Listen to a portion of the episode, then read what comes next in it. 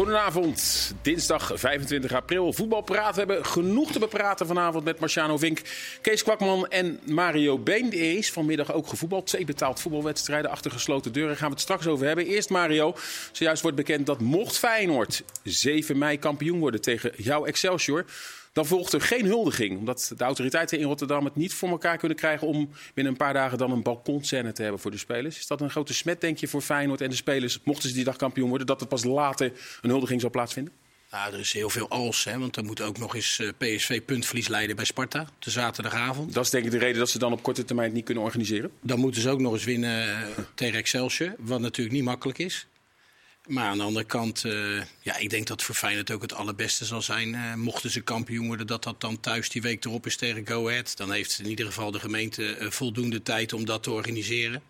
Want er is te veel als met die, met die wedstrijd tegen Excelsior natuurlijk. Want dan moet PSV punten verliezen bij Sparta. Ja, en dat weet je ook pas zaterdagavond laat. Dus ja, dat blijft natuurlijk vrij moeilijk. Maar ik weet vanuit betrouwbare bronnen dat de Koolsingel wel al een tijdje helemaal schoon is geveegd. Dus uh, ja, wat dat betreft uh, kunnen ze daar wel naartoe. Marciano, jij bent meerdere malen kampioen geworden. Hoe is dat als speler? Wil je zo snel mogelijk dat vieren met de fans of kan dat ook? Een week, anderhalf week, twee weken later, misschien na een competitie? Ja, in principe wil je het uh, kampioenschap zo snel mogelijk binnen hebben.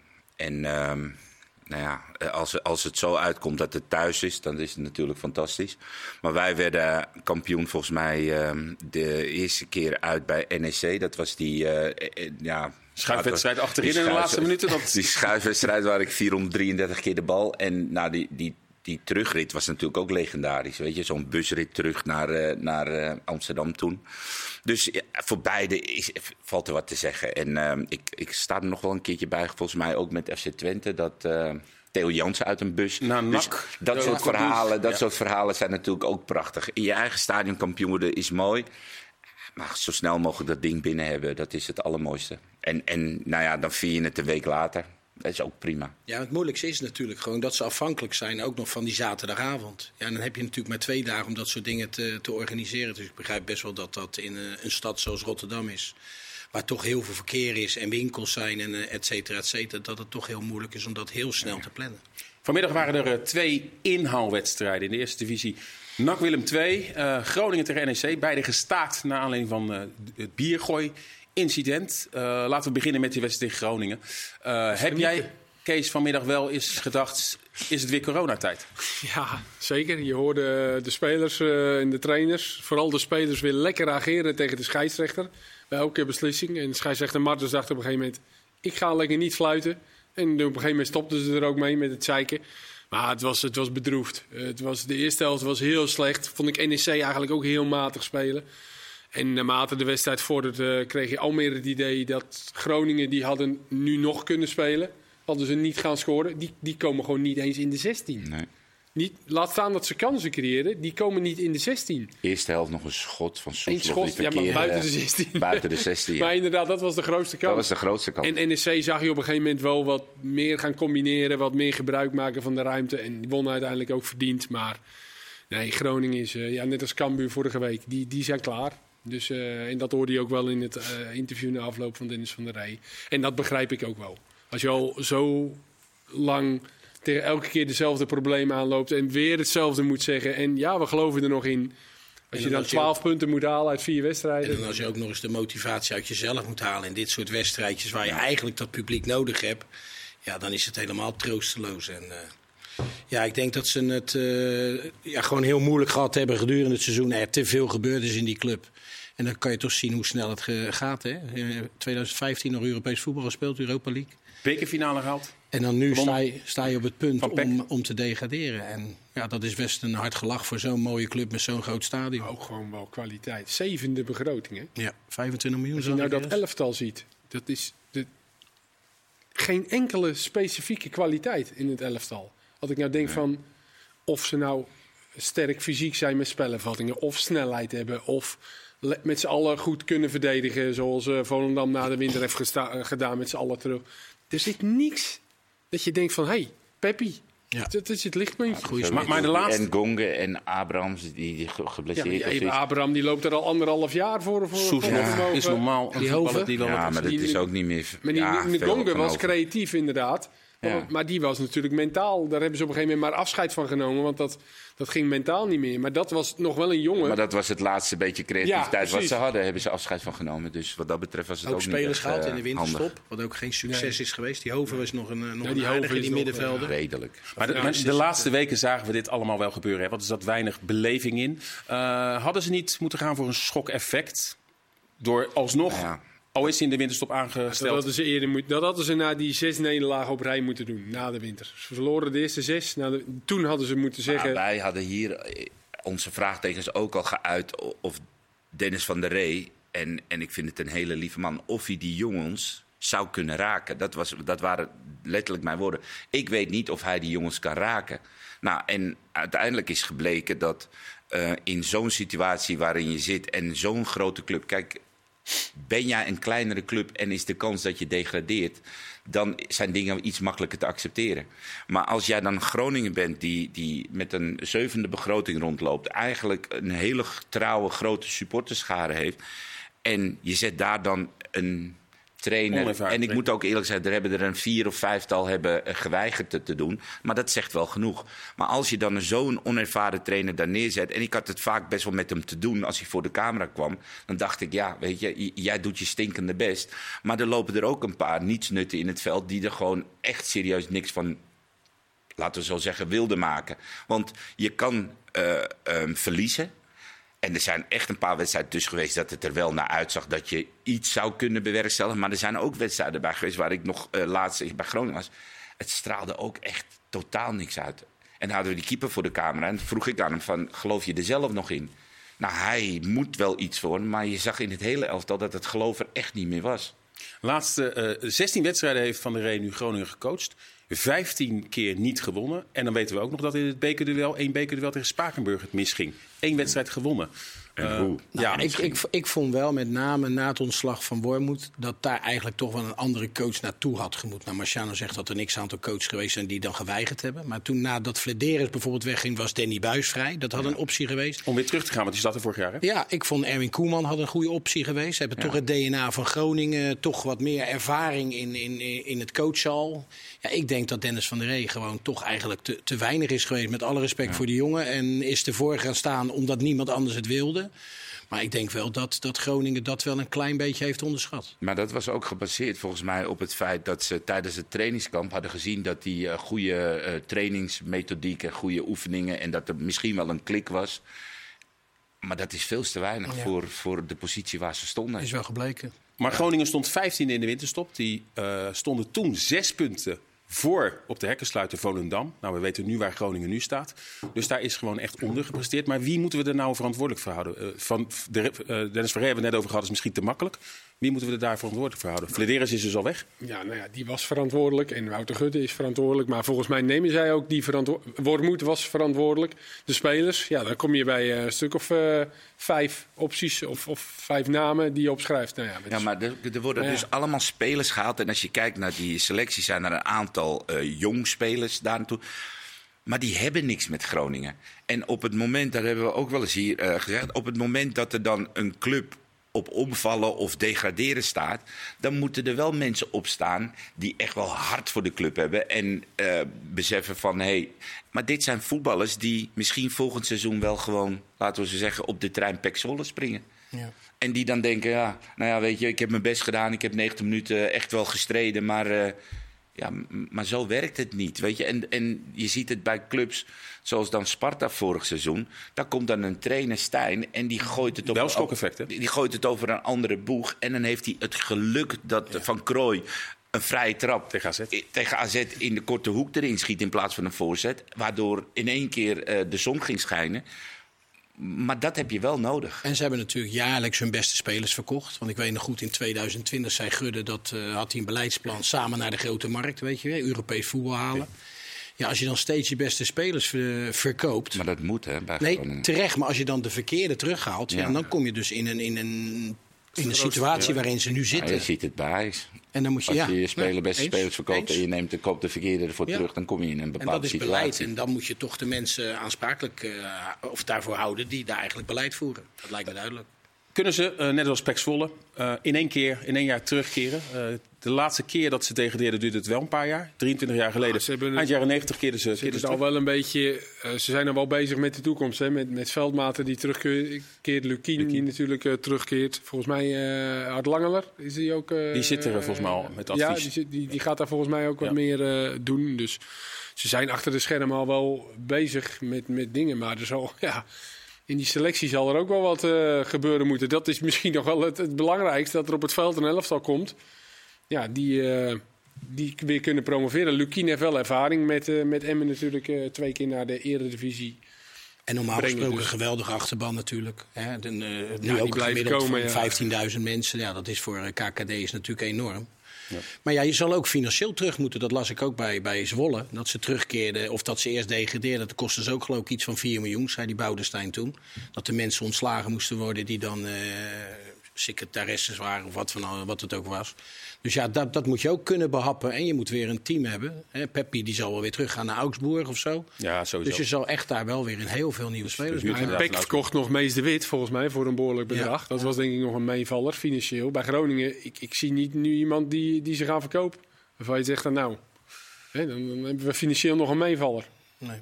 Nee. Maar goed, we gaan het zien. Lastig. Zondag. gitzwart jaar. Ja. Eh, Ja. Want vanmiddag is natuurlijk die wedstrijd gespeeld naar aanleiding van wat er afgelopen weekend is gebeurd. Het was niet de eerste keer bij Groningen. Maar is dit het schrikbeeld, jongens? Dat we de komende weken en misschien ook volgend jaar gewoon eh, wedstrijden gaan inhalen door de week zonder publiek op een dinsdag of woensdagmiddag? Sharon? Nou, niet sch- een schrikbeeld. Ik denk dat. eh, ah, nou, laat ik zeggen, ik denk, ik hoop dat. eh, dat dit zeg maar de laatste stuiptrekkingen zijn van een beleid wat door de KVB is uitgestippeld. En hier en daar misschien nog iets verharden of ietsjes aanpassen. Maar dit is wel de weg waar we naartoe moeten gaan. Kijk, we, we komen van bij elk doelpunt, elke beslissing van de scheidsrechter, dat er bierdouches en je kon op een gegeven moment de glazen of de, de plastic eh, bekers niet eens meer tellen op het veld. En men vond het bij elke uiting dat ze maar moesten gooien naar toch heel veel minder. En nu zie je dat de, de sociale controle, wat ik ook al gezegd heb, weet je, de sociale controle moet terug. Nou, niet elkaar meppen, maar wel gewoon aanwijzen, wieberen. En dan één keer maar even op de blaren zitten. En dan hopen dat de volgende keer iedereen zijn verstand gebruikt. Ik hoop echt dat richting het einde van het seizoen dat we al gewoon zoveel verbetering zien. En dat is een beetje dus het schrikbeeld voor volgend seizoen. Dat heb ik niet. Ik hoop echt dat de mensen die nu naar het stadion gaan... ook daadwerkelijk echt voor, naar, het- naar het stadion gaan voor het voetbal. Maar op korte termijn, komend weekend de bekerfinale. PSV Ajax Ja, ligt gevoelig. We hebben de laatste twee speelrondes waarbij ploegen op een gelijk tijdstip moeten spelen. Waar natuurlijk ook allerlei invloeden kunnen zijn als een wedstrijd gestaakt wordt. We gaan de play-offs krijgen. Mario? Dat snap ik in de Kuip weer niet. Bij Feyenoord die doet nu elke wedstrijd eh, de netten ophangen. Nou ja, dan, dan kan je al eh, minder dingen op het veld gooien. Dat is al een plus. Maar nou hoorde ik wat jij zei met name. Dat, dat Alleen achter de goals. Alleen de netten achter het doel en op de zijkanten. Ja, ik ben bang dat dat zondag ook wel weer eh, een paar keer stilgelegd zal worden. Dat, dat, ik, want Jan Joost, twee keer. Jan Joost zei, zei het zaterdagavond nog. Ja, ik denk dat het nu wel zijn we er wel vanaf. Nou, een dag later heb je weer drie wedstrijden waar het gebeurt. Ik denk dat dat nog nu- heel lang gaat duren. Het, het- er komt nu wel een soort schaamte. eh, weet je, De- je ziet dat de, de, de harde kern die, die, die, eh, ehm, die eh, veroordeelt het. Ja. Snap je? En dat zijn toch wel de gasten die, denk ik, het meeste ehm, betrokken waren bij incidenten. En die veroordelen nu als er aan de lange zijde iets. Weet je, dus je krijgt toch wel iets meer eh, een gevoel dat eh, men het wel heel graag beter wil. Ja, ik, ik hoop het alleen maar. maar Nou, ik hoop het ook, maar ik heb dat gevoel gewoon. Dat, PSV staat 2-0 voor en een eigen supporter gooit ook er weer wat. gebeurde. Ja, nee. Iedereen in het stadion was er echt wel eh, klaar mee. Ja, en we hebben natuurlijk bij Twente Sparta afgelopen weekend gezien dat misschien de Twente supporters zich ook wel in wilden houden. Maar als dan een speler van Sparta provoceert, dan laten supporters zich er ook wel weer gaan. Ja, dat was niet zo slim van, eh, Sambo. van Sambo nee, om dat te doen. Ehm, en, en uiteraard is dat nog niet een reden om, om bier te gooien, helemaal niet. Eh, maar ook spelers moeten... Kijk, je moet gewoon kunnen juichen. En dat hebben we volgens mij eh, gezien dat dat gelukt is. Ik was bij eh NEC Vitesse. Nou, daar scoorde Vitesse vier keer. Geen problemen. Die spelers die deden ook geen rare dingen. Die juichten gewoon ook aan de kant waar de NEC-supporters zaten. De eerste helft prima. Maar je moet niet zo met je horen voor, voor vak P gaan staan. Dan vraag je erom. Dus ik vond dat een uitstekende beslissing van Kooi uiteindelijk. Alleen dat hij dan achteraf had hij hem eh, moeten, moeten staken. Hè, omdat er natuurlijk bier eh, op het veld kwam. Ja, dat, eh, En dan gaan er veel Alhoewel het dan in blessuretijd natuurlijk was, waarbij hij dat misschien over het hoofd heeft gezien. Maar ja, oké. Ja, en, Maar er gaan er veel geluiden op om geen bier of tijdens de drank meer wedstrijd. te verkopen. Tijdens de wedstrijd. Ja. Want ja, bijvoorbeeld NAC eh, draait er alleen maar op. Hè. Eh, er zijn ook heel veel clubs waar mensen gewoon lekker De begroting. naar het stadion. Nou, Heerlijke club. heb je er eens gezeten, Marciano? Nee, ik, jij bent nak, eh, nak kennen, dus eh, de, draait de begroting op het de verkoop van bier. Ik denk dat ze Daar, anders... daar, daar verdienen wij op. hoe meer bier, hoe meer de premie. Maar bij PSV eh stond er ook aan het, bij ons, waar wij stonden met de microfoon, daar stonden allemaal mensen aan het hek. Nou, ik denk dat, dat de helft had een, zo'n ding bier in zijn hand om eh, 's middags om half twee. Weet je, dus Hoe is Ja, dat in je- Engeland? Verkopen ze drank bij in Engeland mag je ook, niet meer durende het stadion binnen. Nee. Maar- Niet? Maar je kan dus wel beneden, eh, buiten het stadion, in de ring, kan je wel gewoon je bier drinken. Maar die moet je dan op hebben voordat je terug Oh, je gaat mag niet, het eh, stadion in. Niet op de tribune drank? Nee. Nou ja, Beetje dan- zoals bij de douane, dat je al je flesjes moet leeggooien. Maar goed, ik, ik heb wel eens in een doelmond gestaan na een wedstrijd. En dan, dan zie je daar muntjes liggen, dan zie je aanstekers, dan zie je biljartballen liggen. Eh, dus wat dat betreft denk ik dat we eerst eens moeten beginnen inderdaad dat er niks meer gegooid gaat worden. En Die anders, keeper van, eh, je had dus Gro- Groningen is natuurlijk een paar keer eh Leiden voor, of eh, het, het probleem geweest. Je had dus Groningen Spakenburg, die bekerwedstrijd, en toen keepte Dion Vlak. Dat is het broertje van Jari Vlak, van een Amsterdamse jongen. Die vertelde dus na afloop dat er een rekenmachine naast hem was. Een rekenmachine. Maar gewoon zo'n, zo'n die maar je vroeger op school had. je wilt niet weten Kees. Maar die neem je niet mee om even uit te rekenen. Ja, of Ja, hij dacht op de dat het 8-0 voor Groningen ging worden. Maar die neem je dus mee om te gooien. Ja. Dat, Is, dat, dat is toch van de. Van de dat is toch bizar? Ja. NAC Willem II is vanmiddag ook gespeeld. Eh, nog maar een kwartier was het te spelen. En nou maakt NAC uiteindelijk in dat kwartier 1-1. Heeft NAC uiteindelijk voordeel gehad met het, eh, het staken van die wedstrijd? Want Willem II zat erin. Eh, nu heeft NAC natuurlijk een tactiek kunnen afstemmen op dat laatste kwartier. Ja, Reinier Robbenmond zei van wel ook na afloop. Hè. Alhoewel hij ook zei, ja, wij hebben ook extra aandacht kunnen besteden aan wat NAC zou gaan doen. Maar ja, dit is wel in het voordeel van NAC geweest. Want die zaten in die wedstrijd volgens mij niet lekker in. En Willem II kwam ook daar eh verdiend op voorsprong. Maar ja, dit, dit is wat je dan gaat krijgen. Eh, maar dan moet je er naartoe dat eh, de uitslag vaststaat. Dus dan had je moeten zeggen, Willem 2 0-1 klaar. Maar ja, wat had je dan met Groningen NEC gaan doen? Maar je kan het Dat toch was ook na zeggen 19 minuten. Nee, maar Ja. je kan toch ook zeggen als de wedstrijd verder is dan de 80ste Ja, dan minuut. heb je dat dus. Ja. Nou, na de 80ste minuut gaan we niet voor 10 minuten heen en weer rijden. Na de 80ste minuut staat de uitslag. Dit was uitslag vast. 75 of zo. Nou ja, ja, maar ja, daar, ga je dan dus naartoe. Maar ja. Hans, Hans Krij zat eh, afgelopen zondag bij Goedemorgen Eredivisie daar. En die vertelde, misschien is het wel een idee, om uiteindelijk dan die wedstrijd om te draaien. Wat vinden we daarvan? Dus dan zou het zeg maar NEC Groningen met publiek zijn in Nijmegen daarna. Ja, het resterende is gedeelte. ook competitievervalsing. Dan speel je twee keer thuis. Ja, ik begrijp dat het, het is heel moeilijk om het eh, absoluut op te lossen. Misschien, eh, wa- wat we net opperden, eh, geen, geen drank meer schenken. Nou, dan is dat opgelost, want er kan niemand meer... Nou, wel schenken, maar niet meer het stadion mee. Ja, niet tijdens eh, de wedstrijd, laat ik het zo stellen. Dat je Ja. het op de tribune mag hebben. Hè, dan heb je dat in ieder geval al opgelost.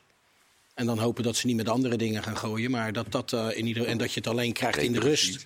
of voor de wedstrijd. Telefoons hoorde ik ook. Maar het is, eh, Dat ben zou ik een wel. Het is natuurlijk al wel stukken verminderd de laatste weken. Laten we hopen dat die Ja. trend Ja. dat, dat doorzet en dat het uiteindelijk eh, niks wordt. Maar ja, dan moeten we ook misschien even de kans geven. En nog een paar weken het, Het is aanzien. een soort maar, heropvoeden wat je aan het doen bent. Nou ja, ik En- denk en wel dat op een gegeven moment de, de supporter er moe van wordt als het elke keer gebeurt. Ja. We hebben nog een hoop te bespreken, ook straks in het tweede gedeelte. Laten we het nu nog even hebben, want dat is gisteren en eigenlijk het weekend misschien ook een beetje ondergesneeuwd, omdat PSV Ajax er was. Maar Pek Zwolle is terug op het eh, hoogste niveau. Heeft Zwolle wat eh, volgend jaar in eh, de eredivisie te zoeken, dit Zwolle? Waar bijvoorbeeld al Van der Belt, een van de belangrijke spelers, weggaat naar Feyenoord. Nou ja, kijk, er zal echt wel wat moeten gaan gebeuren. Hè. De, de oudjes zijn ook wel weer een jaartje ouder. Hè, met Van Inter en Van Polen bijvoorbeeld, die achterin staan. Maar ja, die zullen denk ik ook wel een bepaald aantrekkingskracht hebben. Het is daar, nou ja, we hebben het nu de laatste weken over Arne Slot bij Feyenoord. Ja, ik denk dat Dick Schreuder eh, met zijn staf is eh, net zo belangrijk eh, voor PEC als dat Slot voor, voor Feyenoord is. Dus dat is voor PEC echt van levensbelang, denk ik ook, dat hij blijft. Maar ik denk dat hij gaat vertrekken, omdat er al zoveel belangstelling was voor Schreuder de afgelopen nou, seizoen.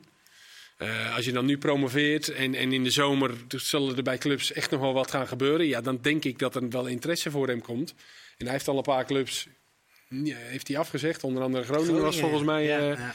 ja, dan komt er ook misschien een club voorbij waarin hij zegt, nou ik ga het wel doen. Dus ehm, Ja, want hij heeft het vorig jaar natuurlijk in de Eredivisie ook geweldig gedaan met PK. Heeft hij bijna nog gered. Ja. Dus ja, ik kan me bijna niet voorstellen dat hij blijft. Maar ja, ik zou bij PEC in ieder geval alles aan doen om te beginnen om de, om de staf eh, bijeen te houden. Denk jij dat ze kampioen worden? Dus drie puntjes. Ik zag dat het doelsaldo exact gelijk is. Ja, ze hebben, ze hebben Dort nu thuis. Dus PSV, die, eh, PSV. ja, ze hebben nog. Ja, ik denk het. Roda thuis. Ik vind wel dat ze het verdienen eigenlijk om, om kampioen te worden. Alhoewel Heracles het ook geweldig hoor, na een jaar.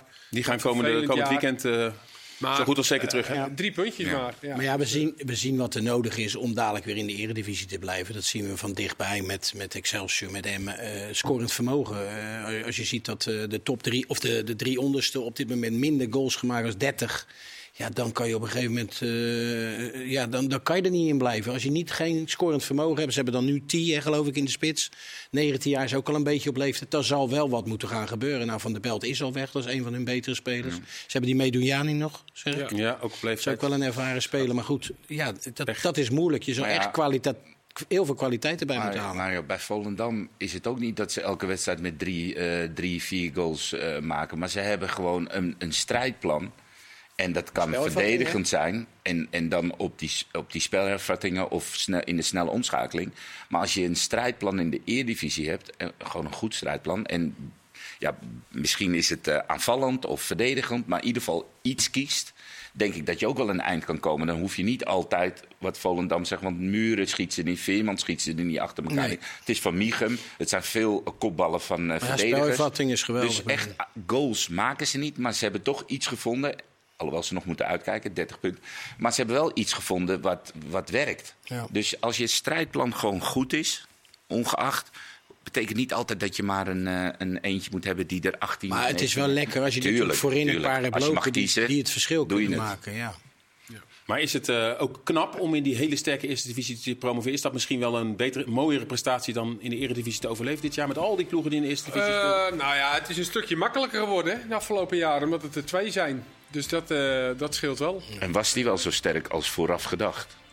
Want sommige Ja. van die sterke clubs die hebben het niet laten zien.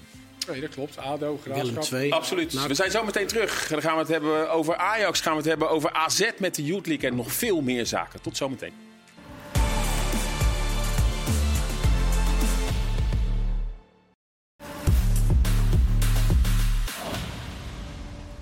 Welkom bij deel 2 Voetbalpraat met Mario Been, Marciano Vink en Kees Ballap. Want ik heb zojuist eh, gehoord dat dat jouw bijnaam was.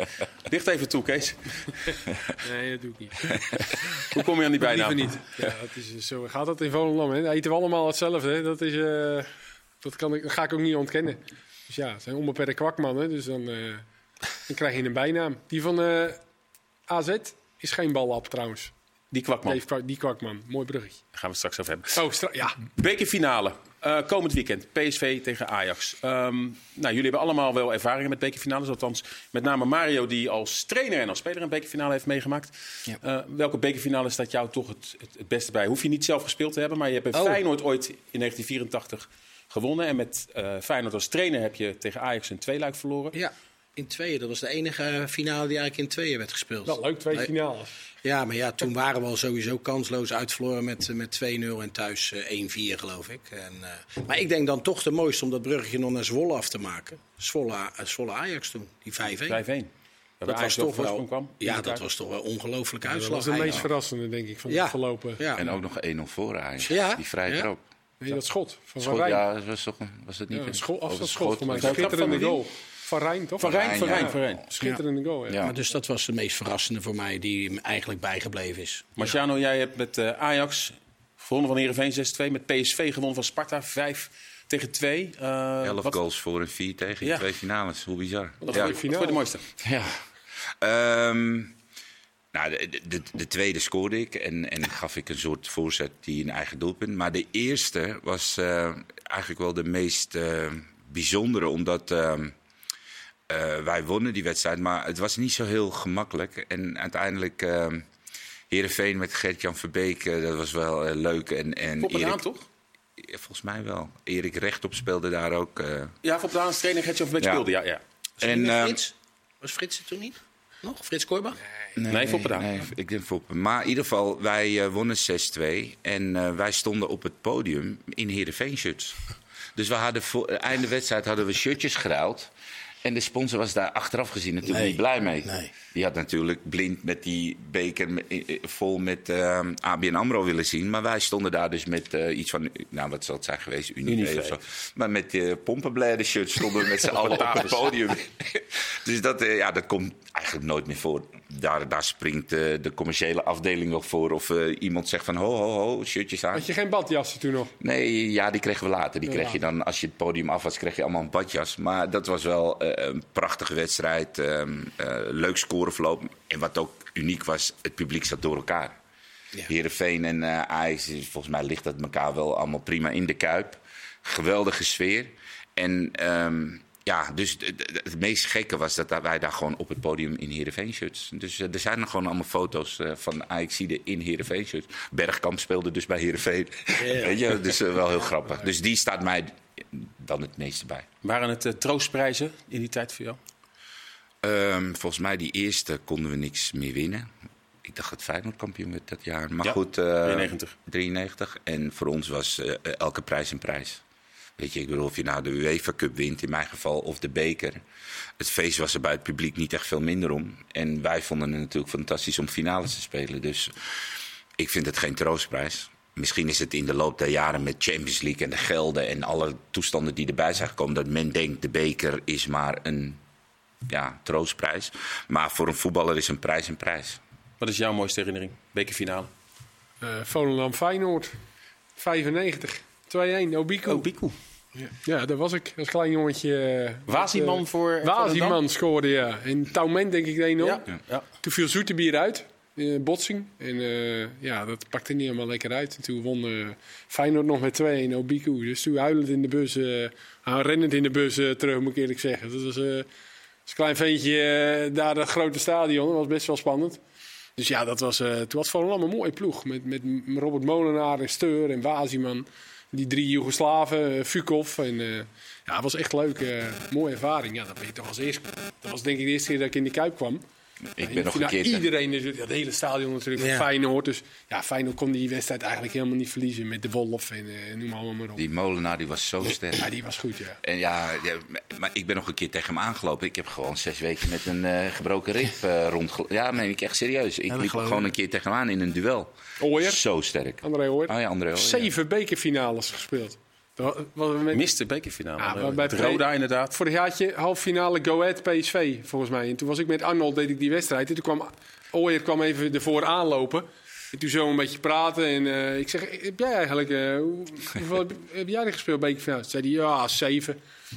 Zeven? Dat ging niet allemaal opnoemen. Met, met Ajax, met Roda, met Volendam. Finales of gewonnen? Nee, zeven finales. Gespeeld. Oh, oké. Gespeeld. En hoeveel Ja, heeft volgens mij heeft hij maar twee of zo gewonnen. Of ja, André, sorry. Ja, zondag gaat hij met weer, nou ja, weer als Ja, trainer, zondag eentje. Ja. Dus, eh, bekerfinale. Ja, dat is wel Voor Ajax denk ik ook heel belangrijk. Aangezien eh, mochten ze die winnen, hebben ze in ieder geval Europa League. Want ze zouden nog zelfs Conference League voetbal. Ja. hè, als ze die bekerfinale verliezen. En AZ gaat er nog heel overheen. Weken na de bekerfinale heb je natuurlijk ook Ajax AZ.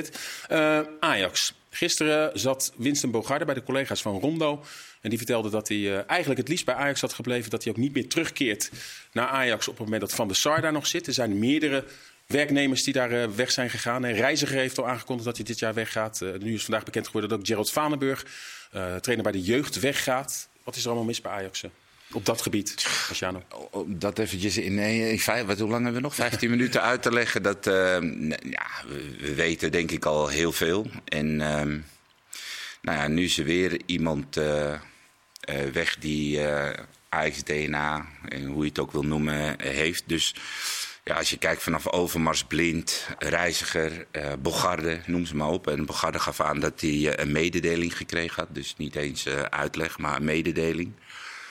Ja, dat is natuurlijk niet zoals het, eh, zoals het hoort. Maar goed, ehm, ze zijn bezig met een eh, grote schoonmaak. En ze zijn bezig met eh, een bepaald beleid uit te stippelen. waar zij in, in de toekomst denken wel succesvol mee te zijn. Alleen voor de buitenwacht is het best wel onbegrijpelijk dat, eh, dat de club die ehm, nou ja, sinds jaar en dag mensen met de Ajax-DNA in de club hebben. En juist daardoor ook heel veel succes heeft gehad. Hè? En nou, nu heb je dus Heitinga en Witsche nog volgens mij eh, rondlopen. En Jacques Zwart natuurlijk. Maar voor de rest eh, wordt het steeds minder. En, en dat is denk ik niet zoals je zou willen, zou willen zien. Sjaak was ook niet content, geloof ik, over Nee, dat er de raad van commissarissen zoveel centjes krijgen. En dat Ja. het allemaal Ja, een stukje Die minder willen had naar gekund. 15.000 in plaats van 35 Ja. of 50.000. Ja. Nou, dat, dat, dat kan ik Arrivaris van 83 jaar. Thijs Lindeman, die Ja, inderdaad... dat is, dat, ja, ik vind dat soort dingen. Ik, ik, bij Feyenoord zie je dat niet. Hè. Ome, ome Gerard Meijer mag daar nog rondlopen. Nou, eh is Blanke Meijer tot het gezegd dat laatste hij daar niet meer mag rondlopen. Alleen ehm, ehm, de, de reden of waarom eh, dat eh, zo besloten is om, om hem eh, de wacht aan te zetten. Kijk, hij was voor oud-voetballers, oud-Ajaxiden, was hij goud. Want hij zorgde altijd dat die groep uitgenodigd werd en dat er eh, zo'n eh, Ziggo Lounge beschikbaar gesteld werd. Dus hij was degene die iedereen, of het nou Stefan Pettersson was of Fini, die een warm warm gevoel gaf. Nou, en ik vind dat jammer. Ik, ik weet niet of hij dat nog steeds doet. Maar ik, ik heb altijd wel een heel goed gevoel bij Thijs. En eh, ja, ik vind het echt eh, serieus een absolute topper. En wat hij daarnaast allemaal deed, daar sprak hij eigenlijk nooit over. Het was altijd een gevulde koek. En eh, ja, met Heini Otto was hij altijd met Simon. En dan zat hij in zijn kamertje te wachten tot al die spelers binnenkwamen. Ja, dat was voor hem een supermooi moment. En dat dat soort mensen dan langzaam eh, de wacht gezegd worden of eh, ehm, afscheid nemen. Dat gebeurt overal. Alleen ik weet niet of het goed is om hem direct eh, eh, buiten de deur, eh, voor het gevoel buiten de deur te zetten. Ik, ik weet niet wat de afspraken op de achtergrond zijn. Dus daar kan ik verder niet over delen. Ik, ik weet alleen dat ik Thijs Lindeman echt wel, een, eh, echt wel iemand vind die bij Ajax hoort. Maar steeds meer pijlen richten zich op Edwin van der Sar. Dat proef je ook wel als je bijvoorbeeld luistert naar de woorden van Vaandenburg. Maar zeker gisteren ook bij Pogaarde. Ehm, ja, wat vind jij wat Van der Sar niet goed doet? Ja, dat, ik vind ook dat je daar veel korter op moet zitten dan. Maar hij is eigenlijk de enige die nog over is. Waarvan je dan ook nog kan zeggen waar, waar de pijlen op gericht kunnen worden. Want eh, Overmars is natuurlijk weg en, en, en Blind ook al, wat Marciano net zegt. Nou, eh Ten Hag is al weg, Schreuder is al weg. Eh, er zijn nog meer mensen die nu vertrekken. Dus ja, in, in, in dat opzicht is er ook niet veel meer over. En hij is de algemeen directeur. Die zich ook nog eens met het technische gedeelte heeft bemoeid. De afgelopen periode. Dus dan word je daar ook op aangesproken. Ja, dus dan denk ik dat het volkomen logisch is dat zijn naam ook genoemd wordt in, in, in dit. En dat is ook de verantwoordelijkheid die hij moet dragen. En zeker ook als het slecht gaat, ja, dan, dan ben je aan de beurt. Hoe vervelend dat ook is voor hem.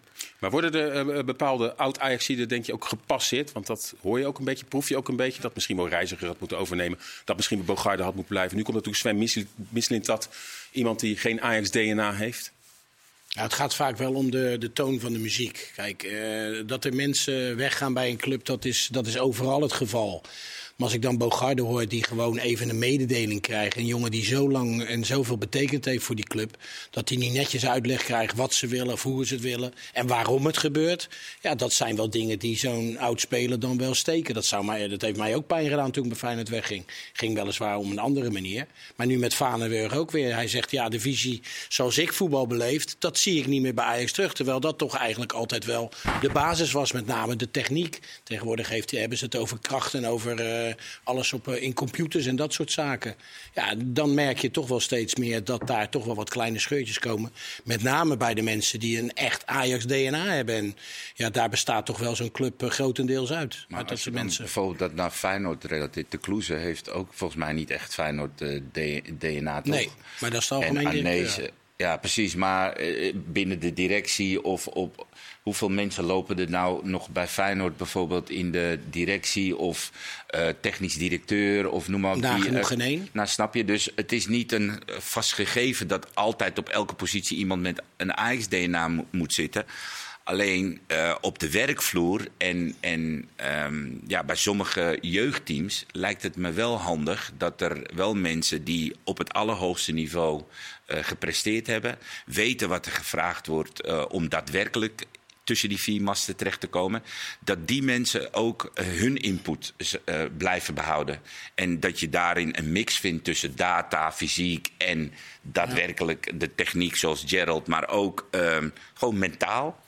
daar zou ergens een, een, een, combinatie van gemaakt moeten worden. Maar als je dan het rijtje leest wat er allemaal vertrokken is in de afgelopen tijd. De ene om bekende redenen. En de andere omdat hij het niet meer wil. En ja, anderen voelen zich niet meer verbonden met, met het beleid wat er gevoerd wordt. Dus er zijn zoveel verschillende redenen waarom mensen vertrekken.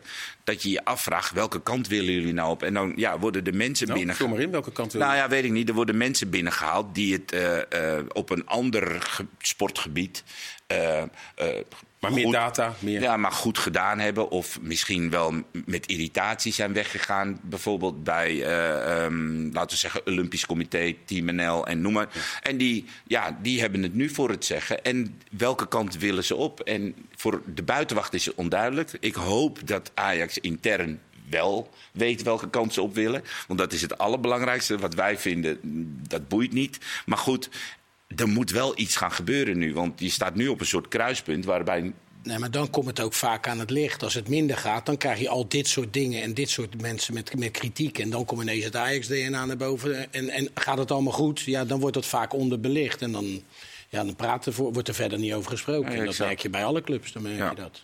Maar goed, het is denk ik van belang dat degenen die er nu zitten... dat die wel een, een, een duidelijk beeld hebben waar ze naartoe willen met, met de hele club. We gaan het de komende weken zien. Gisteren uh, bij Voetbalpraat in de laatste minuut werd bekend dat uh, AZ de Youth League won. 5-0 tegen uh, geweldige lichting. Moet AZ zich zorgen maken dat die spelers misschien wel van de, van de zomer al worden weer opgehaald? Want ik kan me zo voorstellen dat menig scout op de tribunes heeft gezeten bij die wedstrijd. Ja, ik weet niet hoe opportunistisch uh, dat jeugdvoetbal is. Maar goed, uh, ik heb het idee dat er, jij weet dat misschien weten dat er wat minder uh, jeugd de kant van Engeland en Spanje en noem maar, op dat is dicht, gaat. Hè, voor deze leeftijd. Ja, toch? als je 18 bent, dan mag, mag Engeland weer zich er weer mee bemoeien. Ja, dan zal het ook allemaal wat moeilijker gaan. Ehm, en ik heb ook wel het idee als, dat, dat er ook wel wat verstandige jongens bij AZ rondlopen. Niet alleen met voetbalverstand als je naar dit elftal kijkt. Maar ik denk ook dat de begeleiding bij AZ, dat die inmiddels ook wel zo is dat deze jongens niet zomaar uh, AZ wegdoen. En ze zien ook dat de jeugd bij AZ de kans krijgt, de kans krijgt van Goes. Hè, de, en Dekker zijn ook jongens die, die gewoon voor de leeuw worden gegooid als er wat jongens geblesseerd zijn. Um, dus ja, ik, ik, ik, zie niet zomaar in. Uh, en je moet er ook wel een beetje doorheen kijken, toch? Het is nog steeds wel gewoon jeugdvoetbal.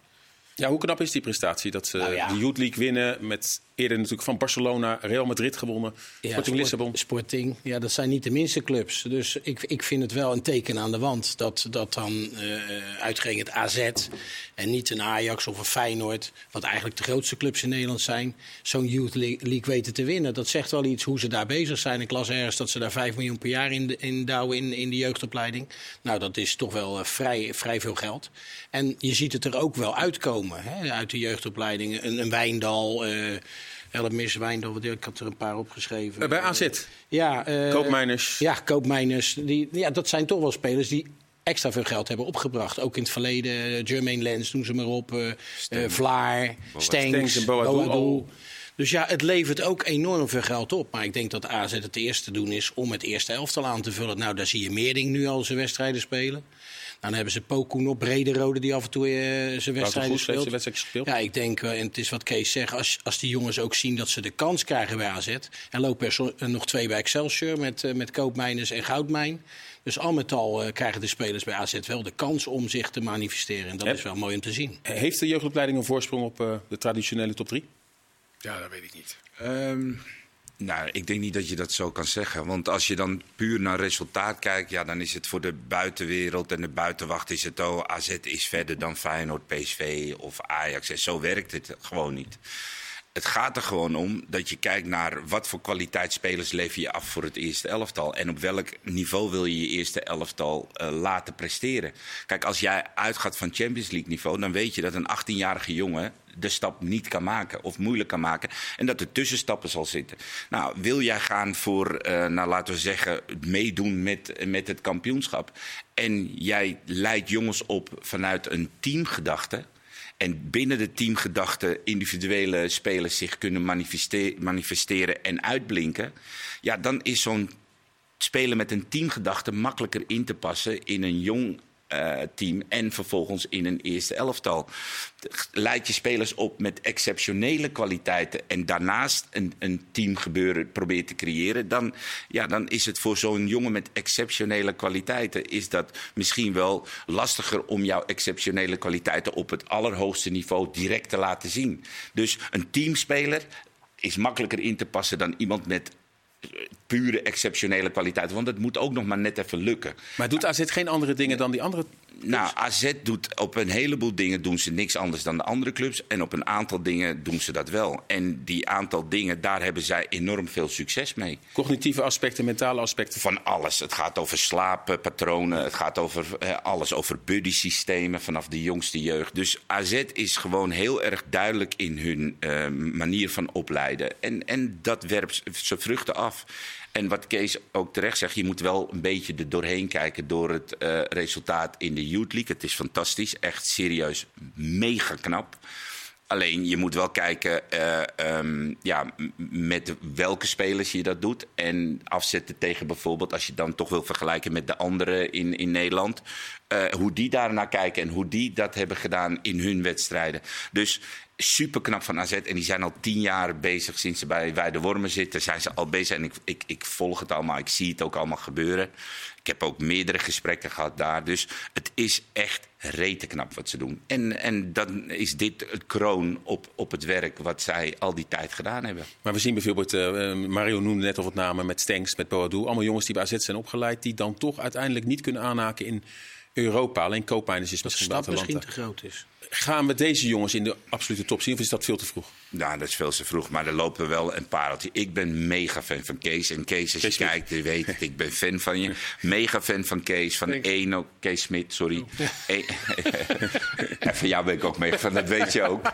Nee, ik mega Kees Smit, eh Eno Masteros, die spelen in Oranje onder 17. Dus die ken ik ook nog vrij goed. Maar je hebt Enes Poku, mooi verhaal, weet je wel. Drie jaar geleden nog bij de amateurs van FC Amsterdam.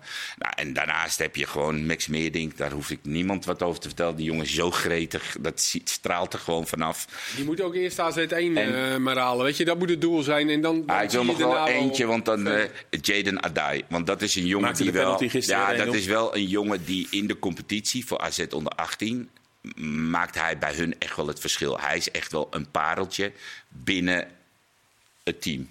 Dus eh, ja, en, en zo vind ik Kees Smit ook een pareltje binnen het team. Dus AZ zie je steeds meer dat ze, dat ze er aankomen of er al zijn. En hoe je het noemt, ze doen het echt, echt supergoed. En ze krijgen de kans. Dat is ook mooi om te zien. Hè, Zo'n Wouter Roes, eh, gooien we er maar in en speelt zijn wedstrijden gewoon. En er moet ook eigenlijk in het elftal, heeft ook wel weer eh, wat jongens nodig van de eigen opleiding. Want eigenlijk is Hatsidiakos de enige. Ja. Als je nu naar de elftal kijkt, De Brederode speelt niet hè, als Carlson fit is. Dus in de basis staat er eigenlijk maar eentje. Reinders stellen we dan even niet mee. Dat die, die is pas later gekomen. Dus ja, er moet ook wel weer. Het is ook wel tijd dat er weer even twee jongens even, eh, zoals Koopmeiners en Boadu in die tijd eh, ook flink doorbreken. En dan kunnen ze daar weer geld aan verdienen. Real Madrid verliest vanavond met 4-2 bij Girona. Doelpunten.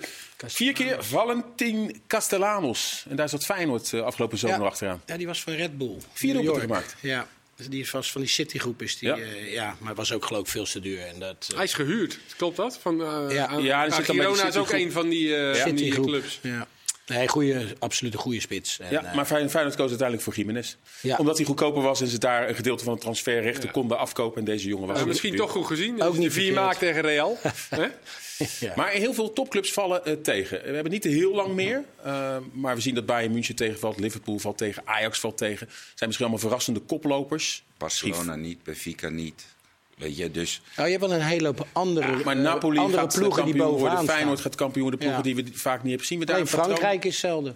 Ja, maar bij Bayern München zijn de oorzaken toch du- duidelijk aantoonbaar. Die, Ja. Dat is nu een, beetje een chaos. Dus daardoor profiteert eh, Dortmund. Die kunnen nog kampioen worden. Je hebt. City, die zit echt Arsenal op de hielen. Dat gaat niet heel lang meer duren. Dus Nee, die hebben al m- minder verliespunten. daarom. eh, Dus nou het, het is, het, de- de- uiteindelijk zie je dat de, de gevestigde orde echt wel, ehm, wel weer naar boven zal komen. Alleen je hebt ook, wat ik al zeg, Ba- Barcelona, Paris, Benfica. Dat zijn ook wel gewoon clubs die heel veel spelers op het WK hebben gehad.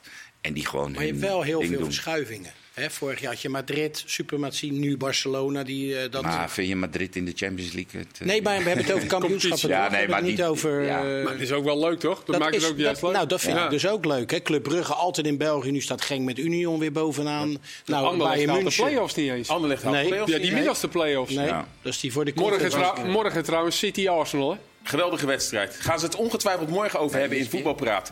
Wij weet zijn namelijk klaar. We hadden nog heel veel onderwerpen te bespreken. morgen? Maar dat gaan we eh, nu niet meer doen. Ik wil Mario bedanken, ik wil Kees bedanken en ik wil Marciano bedanken. En ik wil u bedanken. Fijne avond.